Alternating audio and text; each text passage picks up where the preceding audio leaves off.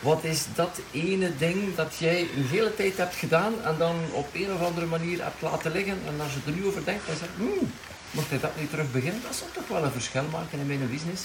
Laat het mij weten hieronder, wat heb je laten liggen en wat zou je misschien wel beter terug in gang steken, net zoals deze morning run. Welkom bij de Business Lab Morning Run. Als je een eenmanszaak of een kleine BV hebt, dan is deze podcast voor jou.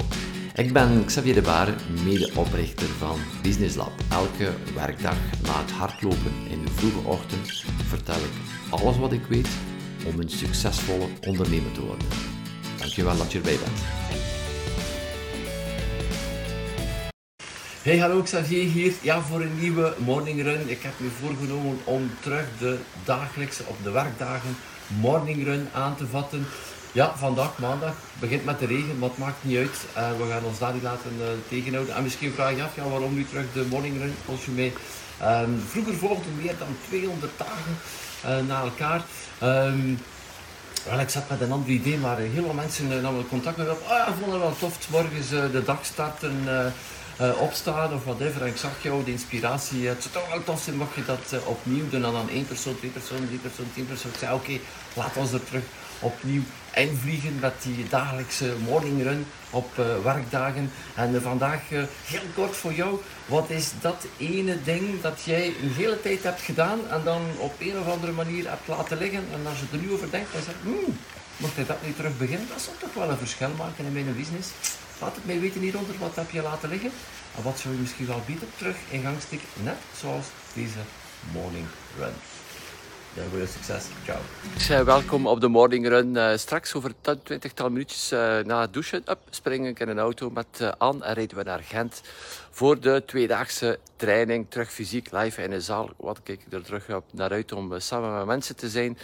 En de training Be Your Own Brand. Twee dagen gaan we aan de slag met de, de, onderneming van de deelnemers die in de zaal zullen zijn in kaart te brengen, uh, alle onderdelen te bekijken. En wat mij altijd opvalt, is dat de uitdagingen, of de uitdaging, uitdagingen, waar dat die uh, kleine ondernemingen mee zitten, de oplossing die ze denken aan de zaakvoerders bedenken voor die uitdagingen, uh, heel vaak niet de juiste zijn. En één van de antwoorden op vele vragen, op vele vraagstukken, op vele uh, oplossingen, is een team.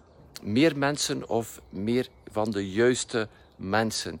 En uh, te veel uh, ondernemers willen het allemaal alleen blijven doen, durven niet aan te werven. Ik heb daar ook nog gestaan.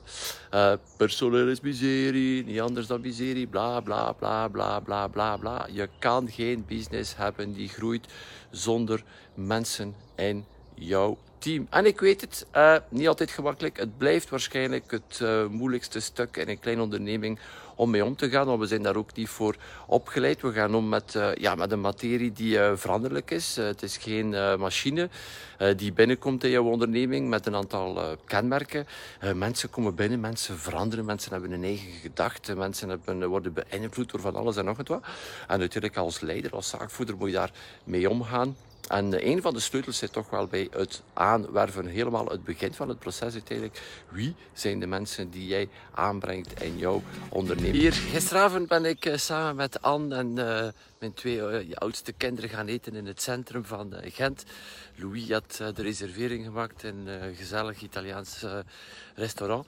En ehm, we komen aan in het restaurant en ehm, de man wijst ons de tafel en tegelijkertijd ook een een sticker op de tafel. Ja, de QR-code om het menu te kunnen lezen. Ah, I hate it. I hate it. Ik weet, het is uh, misschien een moderne tijd of een uh, post-covid uh, verschijnsel. Um, gelukkig was er ook nog een suggestie, kaart, een klassieke kaart die op tafel lag. Gelukkig, want ik vind het echt niet fijn om... Um, ja, zo'n QR-code in te lezen, mijn telefoon ervoor boven, die ik uh, trouwens niet mee had. En het uh, slechtste vooral, uh, mijn dochter heeft dan toch geprobeerd die QR-code in te lezen. En we zaten in de kelder van het restaurant waar, het, waar er nauwelijks bereik was. Dus gevraagd je soms af, ja, testen de mensen wel effectief uit datgene wat ze aan hun klanten aanbieden. Dus iets om over na te denken, als het nieuw is, is het niet per se goed. Of het hoeft niet definitief het vorige te vervangen. Ga gaan denken, wat wel mijn klant nu uiteindelijk? Wat eh, maakt er mijn klant blij?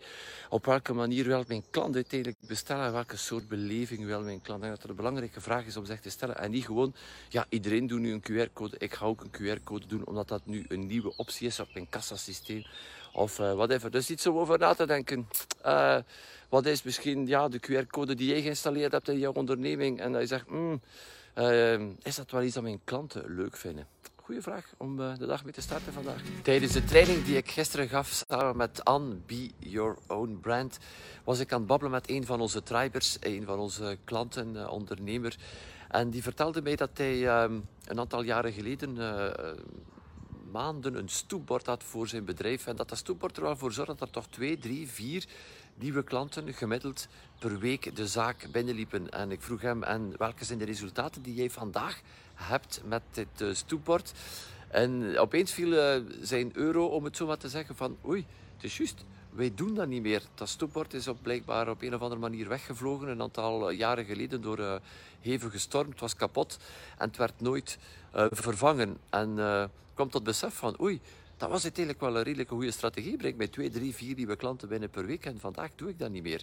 Uh, hoog tijd om dit uh, terug boven te halen of een nieuw stoepbord te laten maken. En mijn vraag naar jou toe is, ja, wat zijn die zaken? Want ik geloof dat we allemaal als ondernemer wel een aantal zaken vroeger deden die uiteindelijk wel goede resultaten gaven en dat we op een of andere manier ja, niet meer doen vandaag. Dus uh, goede vraag voor, om even bij stil te staan dit weekend.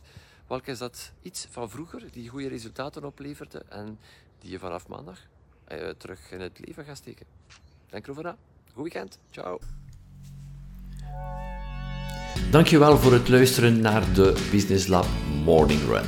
Als je gloednieuw bent in onze wereld, ga dan naar onze website businesslab.be en volg het eerstkomend webinar.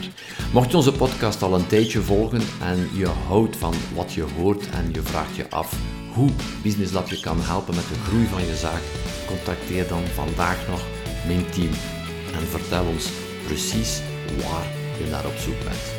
Vergeet ook jou niet te abonneren op deze podcast en deze Business Lab Morning Run te delen met andere ondernemers. Zit je nog met een vraag? Mail ons naar an-xavier.businesslab.be Ondertussen, doe wat je graag doet en doe het goed en ik blijf duimen voor jouw succes. Ciao.